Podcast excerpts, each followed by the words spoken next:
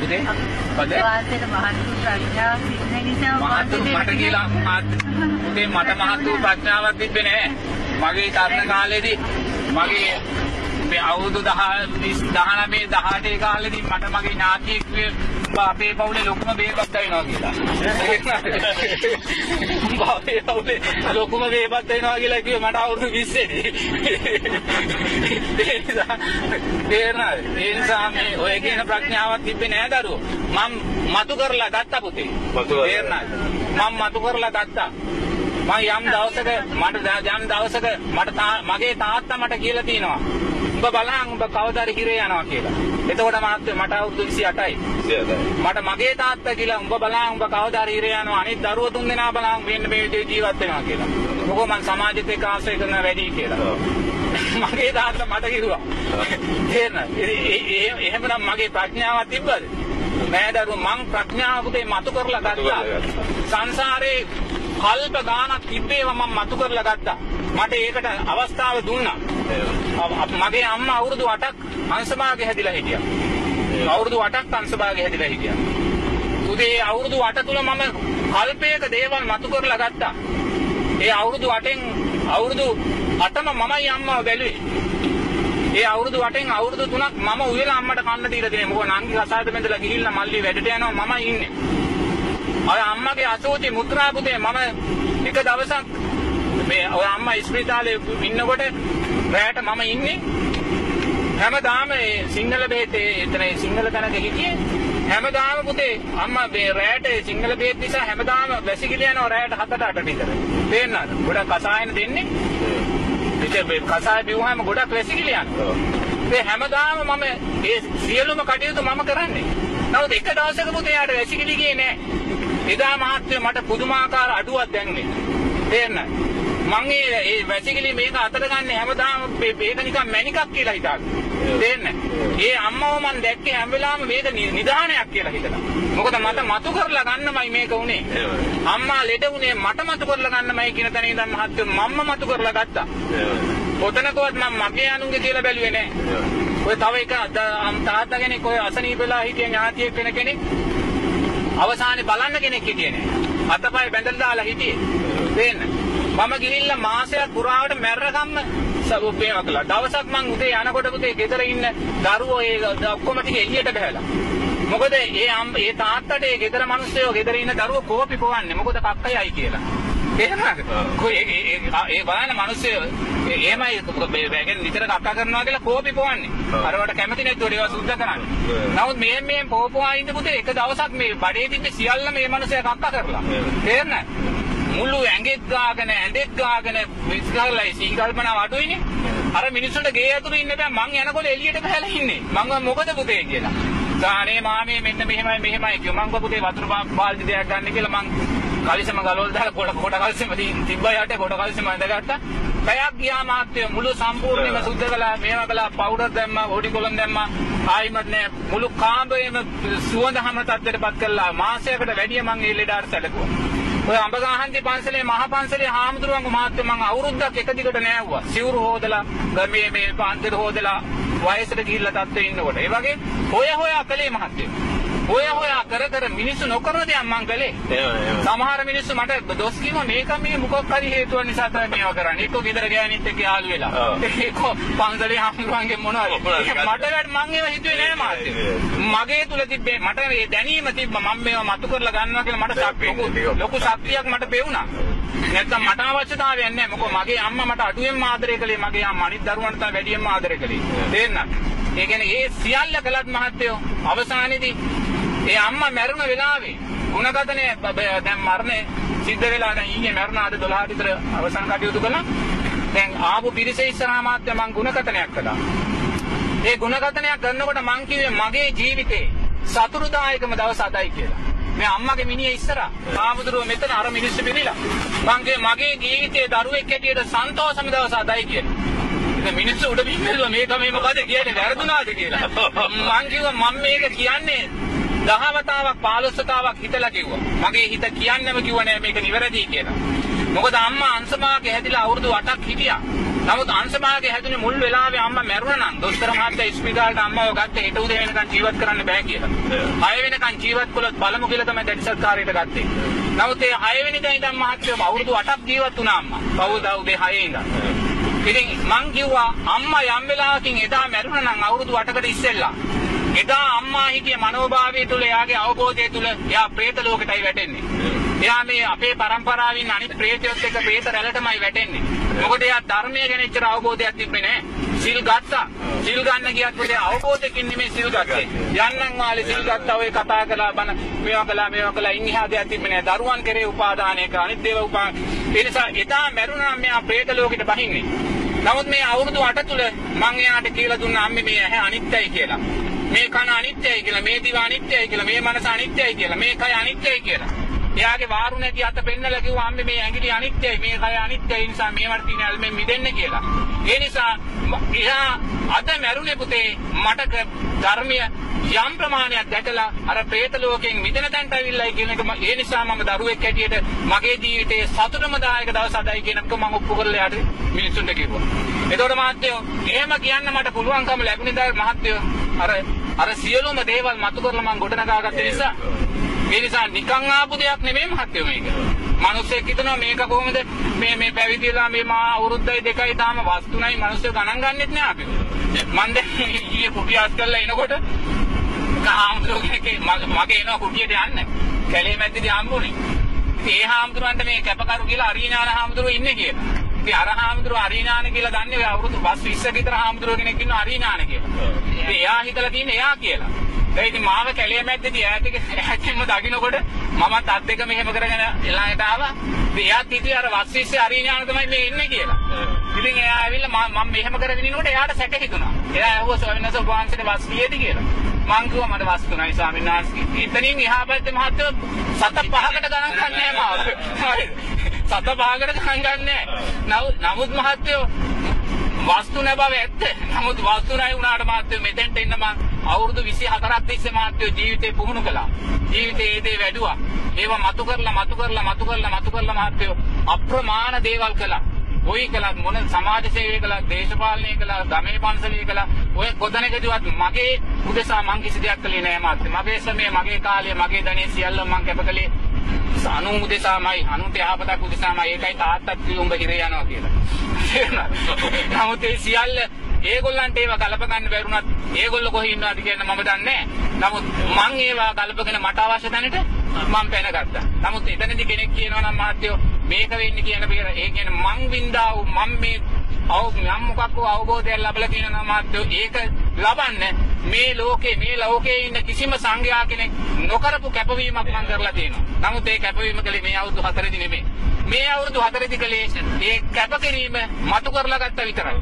ඒ ප්‍රතිඵලය ගත්තා. අර මේ අවුරුදු 20ක් පුරාවට මම මේක ඔක්කොම එකතු කළා. එකතු කරලා එකතු කළා මගේ පිටි ඇයන්ට කරපු අවුරුද්දටම මගේ පිටිපස්සේ කියලා. සුභාසන කොන් සාමාන්‍ය සමහරු ජීවිතේ කියන්නේ මුදුම පාත්තේ කියන එකපාර මහා පෙරලියක් වෙලා මේ පැත්තට යොමු වෙනවා.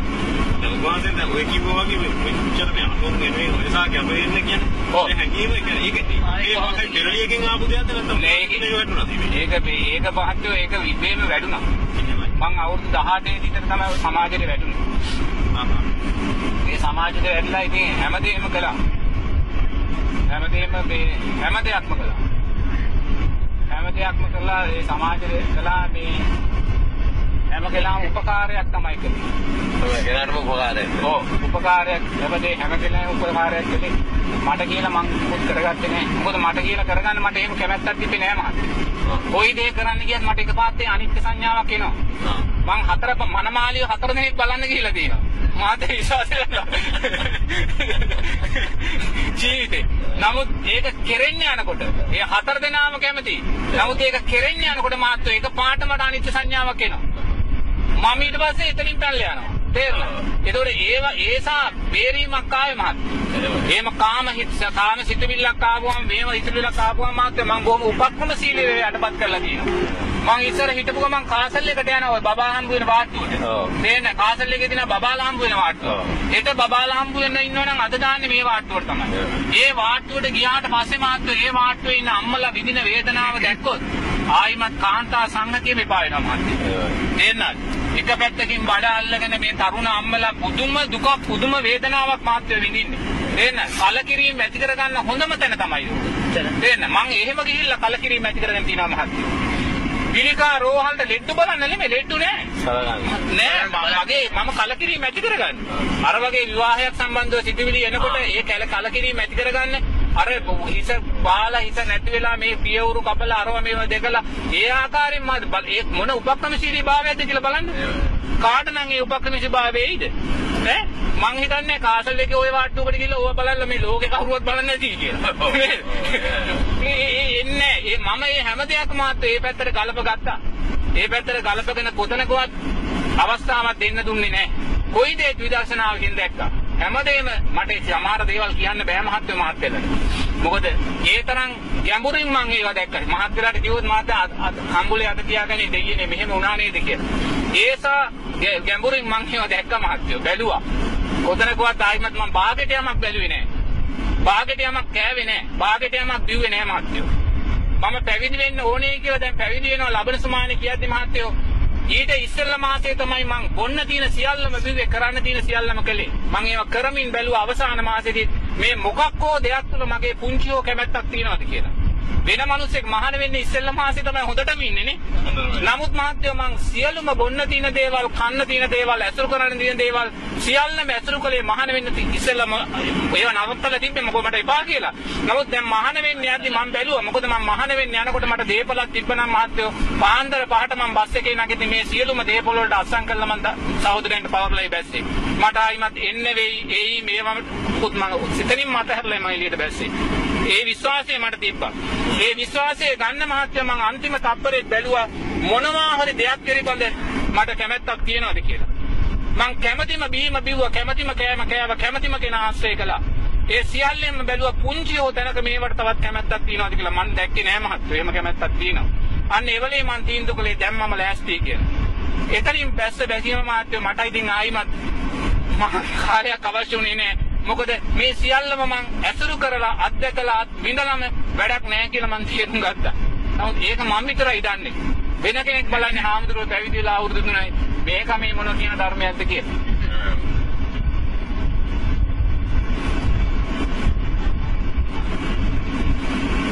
අපේ අතේ මේ බුදුදහම උපාසක කොහොමද ඉස්සෙල්ලාම බුදුදහම පුතේ මම ඉගෙන මම ඉගෙන ගත්තේ ක්‍රිස්තියානි ඉස්කෝලේ. මගේ නවයේ පන්ති නැත්නම් මම බුද්ධ ආගම ඉගෙන ගන්න බෑ. මගේ පන්සලට අල්ලපු පන්සලේ පන්සලේ ඉදම පන්සල. ආමුදුර 25 නමක් ඉන්න පිරිවෙන. නමුත් මම කවදාකවත් දහම් පාසලට ගිහිල්ලා නැහැ. නවයේ පන්තියේ තමයි මම බුදුදහම ඉගෙන ගත්තේ මොකද 10 ඕ ලෙවල් එකට අන්න උගන්වුව බුදුදහම. නැත්නම් අපි ඉගෙන ගත්තේ නෑ බුදුදහම.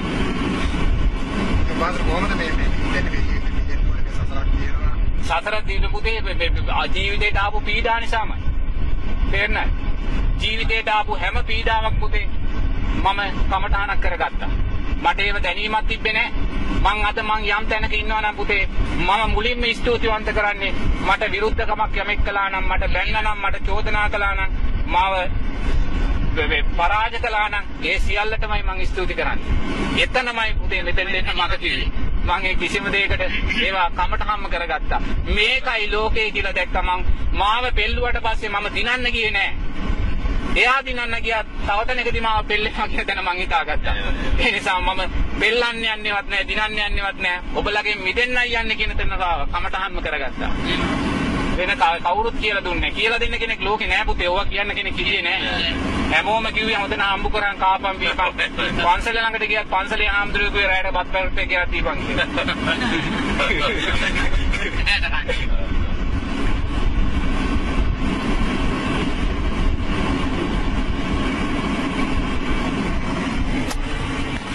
ඒ කියන්නේ උන්වහන්සේ ඔය සත්‍ය සිය කියන එක බුදුම විදියට යොදාගෙන තියෙනවා. ඒක නැත්තම් හැමදේම ওই විදියට කවදාවත් කරගන්නවා කියන්නේ. කියන්න පුළුවන් මාත්‍ය බය බය වෙයි. මාත්‍යම තනි මාමුලා කියන්න බෙද මේ කාන්තාවකුත් කිව්ව කියන්නේ.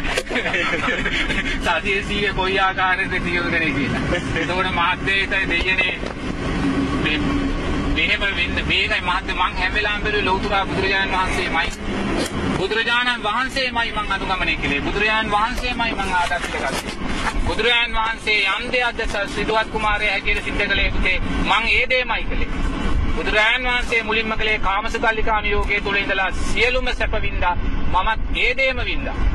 පුළු පුළුවන් ආකාරයෙන්. මං එහෙම දැකලාමයි මං අනිත්‍ය දැක්කත් මොකද බුදුරජාණන් වහන්සේමයි මං අනුගමනය කළේ. මං කවදාකවත් සතර සතිපට්ඨානය වඩලා අනිත්‍ය දකින්න නම් ගියේ නෑ පුතේ. ඇසුරු කරලාමයි අනිත්‍ය දැක්කේ. ඒක තමයි එතනින් තමයි වටිනා අපිට මේ ක්ෂණයෙන් මතු කරගන්න පුළුවන්කම ලැබුණේ. නැත්තම් මතු කරගන්න බෑ. ඒ නිසා බුදුරජාණන් වහන්සේම බුදුරජාණන් වහන්සේ යම්සේද යමක් අතහැරියේ ඒ ආකාරයෙන්ම මං අතහරින ස්වභාවයට එනකම්ම මං අතහැරියේ නෑ. එතකම්ම අතහැරලා හිටියා. අවසානයේදී සියල්ල බුදුරජාණන් වහන්සේ යම්සේද කියේ උන්වහන්සේ තනියමයි කියේ ශ්‍රාවකයෝ හොයාගෙන අරගොල්ලෝ හොයාගෙන මේගොල්ලෝ හොයාගෙන ගියේ නෑ. ඒගොල්ලෝ යම්සේද හුදකලාව ගිහිල්ලා ධර්මයද අවබෝධ කරේ දැක්කේ. මම ඒ විදිහටම හුදකලාව තුල ඉඳලා මේක දකින්නයි කියන තැනට ආවා. එතනදී අතහැරීමමයි කළේ ජීවිතය පිළිබඳ මං ආසාවක් තියාගත්තේ නෑ කොතනක දුවා. මං හැම වෙලාවෙම හිතුවේ එක්ක මරණය එක්ක නිරෝධ භව නිරෝධය කියන එක මේ නිවෙනවා මේ ලෝකෙන් මේ නැවත උපදීමකින් තොර වෙනවා කියන කාරණේ විතරයි. එක්ක මරණය එක්ක නිවන කියන කාරණා දෙකෙන් මෙහා මාත්‍ය මම පැවිදි වුණාට පස්සේ මට වෙන අරමුණක් තිබ්බේ නැහැ. කොහෙත්ම අරමුණක් තිබ්බේ නැහැ. ජීවිතේ පිළිබඳ ආශාවක් මට තිබ්බේ නැහැ. මොකද ජීවත් වෙන්න ආශාවක් මට තිබ්බේ නැහැ. මොකද ඒ තරමටම පුතේ ලෝකයේ පිළිබඳ කලකිරලා මට තිබුණේ. නමුත් ඒක ගැටීමක් නෙමෙයි. අවබෝධයෙන් කලකිරීමක්. නැවත ලෝකේ එපාය කියන තැන මට තිබුණා. ඒ නිසා අවසානයේ තිබ්බෝ එක්ක නිවන එක්ක මරණය කියන තැනදී. මොකද මරණය කියන තැනදී මම දැනගත්ත මම මැරෙන්නේ පුතේ ධර්මයේ දැකලයි කියලා. ඒ නිසා මට ජීවත් වෙන්න අවස්ථාවක් නැති නිසා මම ධර්මයේ දැකලා හෝ අවසාන මොහොතේ මැරෙනවායි කියන තැනට ආවා. නමුත් මම මැරුන්නේ නැහැ තාම. ධර්මයේ විසින් ආරක්ෂා කරා.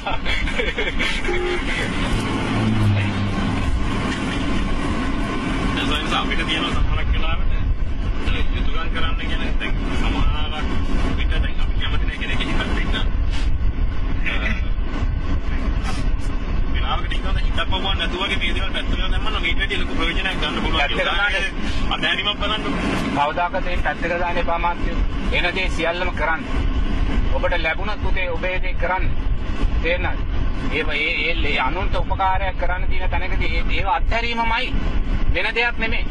අත්හැරීමමයි ඒව.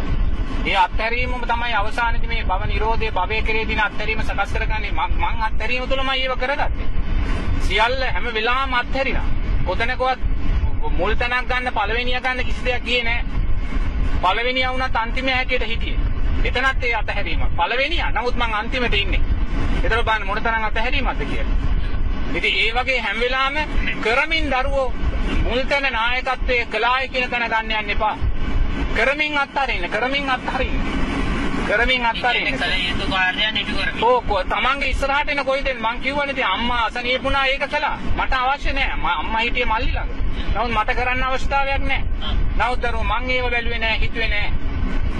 කවදාක්වත් හැමදාම දවල් 12ට ඉතින් සතියේ දවස් පහෙන් පුතේ හැමදාම 11 වෙනකොට අම්මට උයලා බත් කන්න දෙන්න ඕනේ. කවදාක්වත් මම ඔය අවුරුදු 8න් එකම දවසකවත් ඒක මග හැරලා නැහැ. මොන දේ කළා. එකම එක දවසක් මට උසාවියට යන්න වුණා මේ වෙන දරුවෙකුට ඇපදීලා එයා උසාවිය යන්න නැතුව මට සිතාසියක් ගෙවලා එදා මට උසාවිය යන්න දින නිසා මට එදා තුන වුණා එන්න. නමුත් උසාවිය ගියාට පස්සේ නඩුව තිබ්බේ නෑ. තෝල් ගෑකුවා එයාට නඩුවක් නෑ යන්න කියලා. මේ වැරදිලා ඒවල කියලා.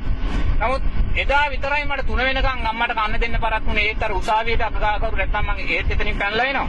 නමුත් ඒ එකම දවස හැර මාත්‍ය අවුරුදු 8ක් කවදාක්වත් ඒ දවල් කෑම 11 ඉඳන් 12 දින එක මම කවදාකවත් වරද්දලා මොන ප්‍රශ්න තිබ්බත් ඇවිල්ලා නැහැ. ඒ සියල්ල කරලා තියෙන්නේ. මොකද ඒවා යුතුයකම් හැටියටම මම කළා.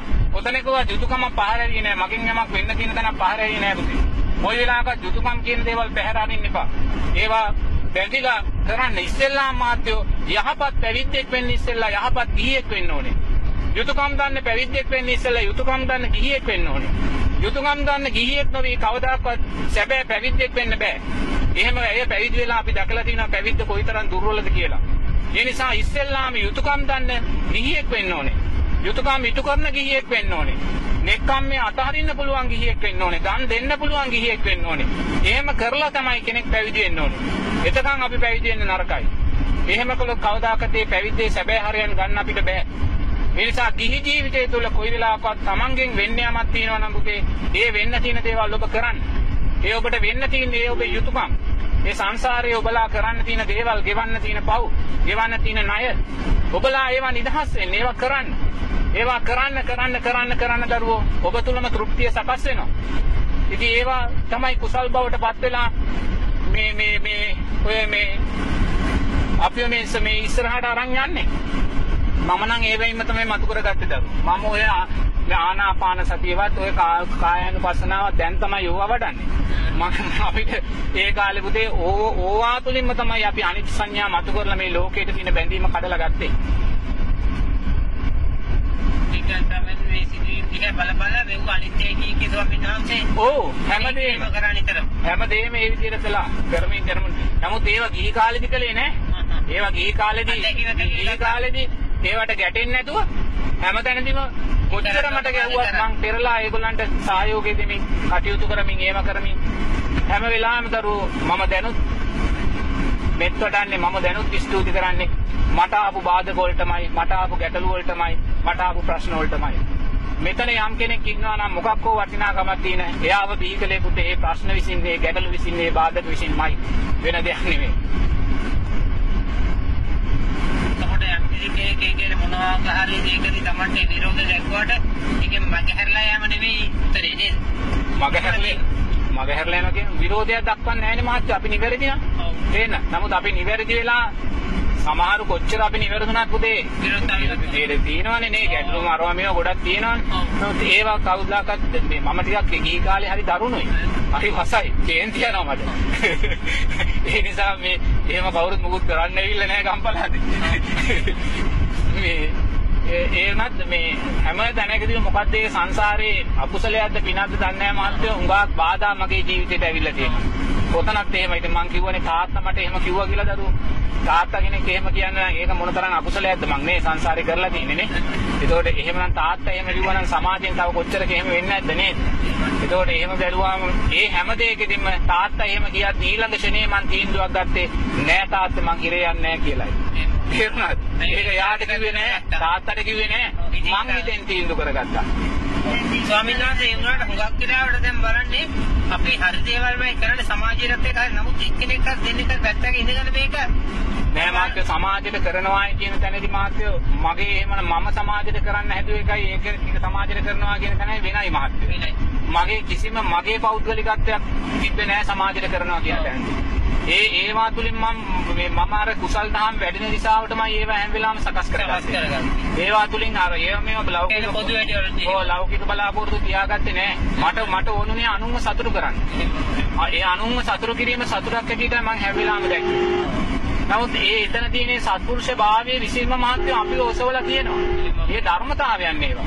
ඒවා අපිට මෙහෙමයි මෙහෙමයි කියලා හිතන්න බෑ.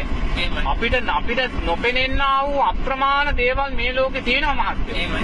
ඒ අප්‍රමාණ දේවල් මොනවද කියලා මේ මොහොතේ මම දන්නවා. නමුත් එදා දන්නේ නෑ. නමුත් දැන් මම දන්නවා මේවා සිද්ධ වුණේ කොහොමද කියලා. අපි දන්නේ නැති වූ අපි මේ දකින්නේ ලෝකෙන් දශමයයි. කෝටියක් තියෙනවා නම් දශමයයි. කෝටියකින් දශමයයි දකින්නේ. නමුත් ඒ කෝටියම දැක්කේ ලෞතර බුදුරජාණන් වහන්සේ විතරයි. මේ නමුත් ඒ කෝටියෙන් පුතේ දශමයට වඩා පොඩ්ඩක් හෝ දකින්න මට පුළුවන්. ඒ නිසා මම දැන් දකිනවා මෙන්න මේ හේතුන් නිසායි මේවා වුනේ කියලා. ඒ නිසා මේ ඒවා හේතුඵල ධර්මයන් විසින්ම තමයි සකස් කළේ. ඒ ස්වාමීන් වහන්සේට ගමනට උදව් උපකාරක වශයෙන් සැකසුණානේ. එහෙමයි මහත්තයෝ. කොතනත් එහෙමයි. මම පහුගිය මගේ පැවිදි වෙන්න ඉස්සෙල්ලා මහත්තයෝ මම අවුරුදු 10ක් එක දිගට කොළඹ ඉඳන් හැම මාසෙකම සැරයක් කතරගම ඇවිල්ලා තියෙනවා. මාසෙකට දවසක් කොළඹ ඉඳන් කතරගම එනවා කිව්වම බස් එකේ. අවුරුදු 10ක් මාසෙකට සැරයක්. රෑ 10 බස් එකෙන් මම කතර කොළඹින් නගින්නේ රෑ 10 නැත්නම් 10 බස් එකේ නොතිබ්බොත් 12 බස් එකේ. රෑ 10